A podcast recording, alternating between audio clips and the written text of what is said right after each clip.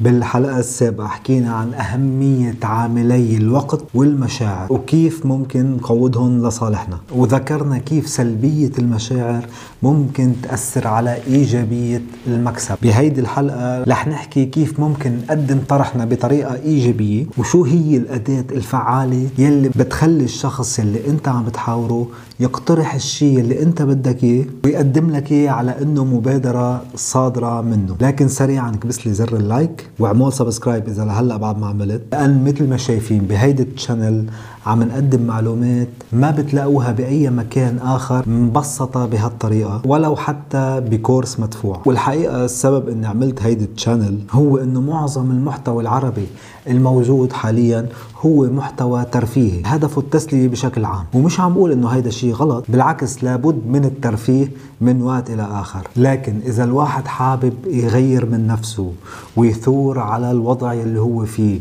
الوضع إن كان كمادي ولا اجتماعي ولا نفسي وكان حابب يحقق هدف كتير هو طامح له. لابد يكون بجعبته أدوات فعالة قادر يستخدمها حتى يرتقي بنفسه ويبين ويعلي راسه فوق المجتمع ويكون قدوة. لأن مثل ما شفتوا نحن هون بنفكر بطريقة مختلفة طريقة خلاقة طريقة تسمح لنا نحقق أهدافنا بالطرق الغير تقليدية منشان هيك عم بحاول مرق معلومة أو أداة بكل فيديو لأن ممكن معلومة وحدة فعلا تغير لك وجهة نظرك وتأثر فيك وتغير لك طريقة التعاطي بحياتك الفعلية هلأ. وهيك إن شاء الله بتكون أنت شعلة بتنور فيها دائرة مجتمعك وبتكون مثل أداة تغيير نحو الأفضل بإذن الله. طولت عليكم بهيدي المقدمة. فجاهزين نبلش حلقتنا؟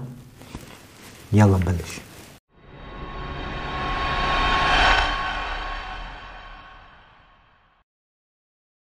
السلام عليكم ورحمة الله وبركاته. أخوكم محمد عيتاني. كلمة عدل أو فير هي كلمة إلى دلالات كبيرة وهي انعكاس لمشاعر الشخص يلي أمامك. وطبعا أي شخص فينا بحب أنه يتعامل بشكل منصف ورح يشعر بمظلومية كبيرة إذا أنت ما حسسته أنك عم تعامله بهيدا الشكل المنصف. وإذا كان بدك تستعمل هيدي الكلمة كلمة فير أو كلمة عدل بالحوار فبدك تنتبه جيدا لأنه هيدي كلمة استفزازية. وهلأ حنعطي مثالين على كيف هي ممكن تكون استفزازية. وحنعطي مثال ثالث كيف هيدي الكلمة فيك تستعملها حتى تحسن من طريقة الحوار أو حتى توصل للحوار اللي أنت بدك توصل له أول حالة لما واحد يجي يقول لك I just want what's fair. أي أنه أنا بدي أتعامل بطريقة منصفة. تذكر آخر مرة كنت بنقاش والشخص المقابل قال لك إياها شو كان شعورك؟ حتحس حالك مصدوم وبتحس حالك أنك ظالم وبتحس حالك أنك على وشك أنك تقدم له تنازلات بس حتى ما تخسر الموقف أو ما تخسر الشخص يلي قدامك. أفضل جواب لحتى تخلص من هيدي ال punch أو من هيدي الضربة اللي وجه لك إياها أنك تقول له لو سمحت دلني على الضبط وين أنا بلشت.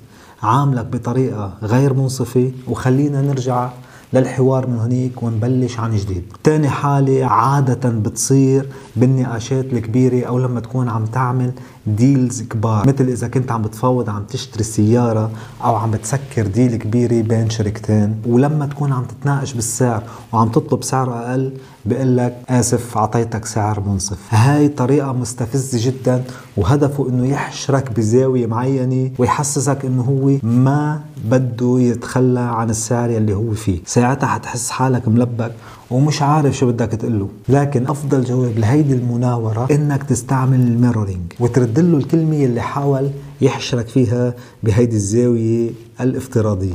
فلما يقول لك آسف قدمت لك عرض منصف فبترد له إياها بطريقة الميرورينج وبتقول له عرض منصف وبتسكت وبتنطره لهو يحاول يبرر لك شو يعني معنى عرض منصف بالنسبة له. لأنه ممكن بأغلب الأوقات ما عنده تفسير لكلمة عرض منصف. وهيدي مثل ما خبرتك مناورة بيستعملوها كتير بال deals الكبار بس حتى ما ينزل بالسعر أكثر وأقل بتكون هربت من هيدا المأزق يلي أنت حاول يوضعك فيه وبتكفوا نقاشكم لتوصل للسعر يلي أنت بدك إياه. أما ثالث طريقة هي أسلم طريقة وهي اللي بتوصلك للنتيجة الفعالة. وهي إنه ببداية الكلام تقول له للشخص يلي عم بتحاوره تقول له أنا بدي عاملك بطريقة fair أو عادلة أو منصفة. فأي لحظة بتحس حالك أنت عم تعامل بطريقة غير منصفة لو سمحت دغري وقفني وقل لي حتى نكفي بطريقة فعالة. طيب هلأ عرفنا إنه أهم عاملين فيك تستعملهم لصالحك هو عامل الوقت يلي حكينا عنه بالحلقة السابقة وعامل المشاعر. هلا كيف فينا نوجه الشخص ونقوده للحوار يلي نحن بدنا إياه؟ مثل ما برهنا بحلقات سابقة إنه نحن بناخذ قراراتنا على هوى المشاعر أي نحن بطبعنا امبلسيف ولكن منبرر بالعقل فيما بعد. وصحيح نحن امبلسيف وغير عقلانيين لكن الدماغ سبحان الله عنده أنماط معينة هي عبارة عن ردات فعل لأمور معينة بيواجهها فإذا أنت عرفت شو هن هول الردات الفعل وعرفت كيف أنت تقوضهم لصالحك بتكون قربت كتير على أنك تأثر فيه للشخص المقابل. هول أنماط موجودين تقريبا بأي شخص وحتى منفوت كتير بتفاصيل سيكولوجية معقدة. نحن بهمنا نمطين فقط.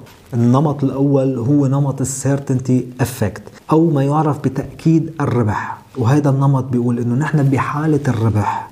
إذا كنا مخيرين بين خيارين منروح على الخيار المضمون أكثر يعني إذا قلت لك عندك خيارين يا أما بتربح 10000 دولار لكن نسبة ربحهم هو 90% أو إنك بتربح 9500 دولار لكن نسبة ربحهم هي 100% يعني على الأكيد رح تربح 9500 دولار لكن عندك احتمال إنك تربح 10000 دولار بنسبة 90% أي في 10% احتمال إنك ما تربح شيء أبدا. هون على الأرجح رح تاخذ القرار السليم والمضمون وتنقي إنك تاخذ 9500 دولار وما تغامر بباقي المبلغ.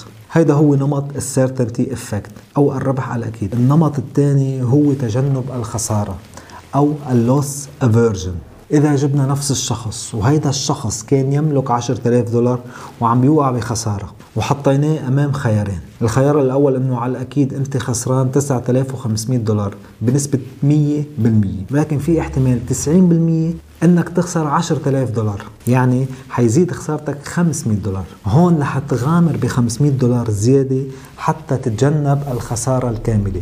مع إنه مبلغ 9500 دولار هو أقل من 10000 دولار. وهيدا هو اللوس أفيرجن. أنت مستعد تتغامر أكثر حتى ما تخسر المبلغ كامل. إذا بنستنتج هون إنه في حالة الخسارة الشخص مستعد يغامر أكثر ومستعد يتخلى عن مبادئ ثابتة هو عنده إياها بس حتى ما يخسر. فهون نحن شو بنستفيد إذا أنت بتصور طرحك إنه الشخص هو بحالة خسارة إذا ما تقبل الطرح يلي أنت عم تقدم له إياه وإنه هو على وشك خسارة رح يهرب من القرار يلي عنده إياه وينط على سفينة النجاة اللي هي الطرح اللي انت مقدم له اياه حتى ما يخسر ابدا. أما كيف بدنا نوجه الشخص ونخليه يطلب أو يقرر الشيء اللي نحن بدنا اياه هي عبارة عن أداة. وحدة من أهم أدوات التأثير وهي السؤال الموجه. شو يعني السؤال الموجه؟ السؤال الموجه مش دغري بتستعمله مثل ما حكينا. قبل ما تبلش تاخذ معلومات كافية عن الشخص بأي حالة نفسية هو فيها بأي وضع من مشاعر هو حاسس فيها هلأ. وما فيك تستعملها قبل ما توصل لمرحلة مثل ما حكينا من العلاقة الممتازة على القليل عن هذا الموضوع. هون بتستخدم السؤال الموجه. السؤال الموجه هو سؤال دقيق جدا. أنت بتكون حددته بناء على المعطيات اللي عندك إياها. وهيدا السؤال جوابه ما لازم يكون بكلمة واحدة يعني يا نعم يا إيه. هيدا السؤال أنت بتسأله حتى يبلش يفكر شو هو الحل يلي أنت بدك إياه. يعني مثال بسيط إذا في شخص أنت قاعد معه ما بدك اياه يفل وقلت له لا أنت هلأ ما فيك تفل. هيدا مثل statement أو طلب أو بالأحرى أمر ممكن كتير تستفزه ولا ويركب براسه ويفل. بينما إذا سالته سؤال موجه وقلت له شو حتستفيد إذا فليت هلأ؟ هون أنت اعطيته حرية الجواب وحسسته إنه في خسارة واقعة إذا فل هو هلأ من هيدا النقاش اللي أنتم عم تحكوه أو من هالجلسة اللي أنتم فيها. وبعده هو مفكر حاله مسيطر على زمام الأمور وبيقول لك لا أنا خليني أبقى بعد شوي حتى نكفي نقاشنا. الحلو بالسؤال الموجه إنه الشخص ما بيقدر يهاجمه خاصة إذا الشخص اللي أمامك كان من الشخصية المسيطرة ما عنده أي وسيلة للهجوم على سؤال موجه. لأنه هدف السؤال الموجه إنه يحول الحوار من مواجهة لجلسة تفتيش عن حلول. يعني أنت بسؤالك الموجه عم تطلب بطريقة غير مباشرة عم تطلب من الشخص المقابل إنه يساعدك تفتشوا على حل لسؤال أنت طرحته. ويا للمفاجأة هيدا السؤال يلي أنت طرحته هو عبارة عن سؤال موجه برجع الشخص للمسار يلي أنت بدك إياه. من هلأ للحلقة المقبلة بلش تمرن على السؤال الموجه. كيف ممكن انت توجه الحوار من خلاله. لأنه هيدي وحدة من أهم الأدوات يلي ممكن تستعملها وممكن تغير فيها مسار حديث أو مسار مفاوضات انت بدك إياها بطريقة غير مستفزة كليا. فلهون بنكون وصلنا لنهاية هيدا الفيديو. بتمنى تكونوا لقيتوا شيء فعلا استفدتوا منه. فلو سمحتوا ما تنسونا من صالح دعائكم. وأنا من هلأ للأسبوع الجاي بشوفكن وبقلكن سلام.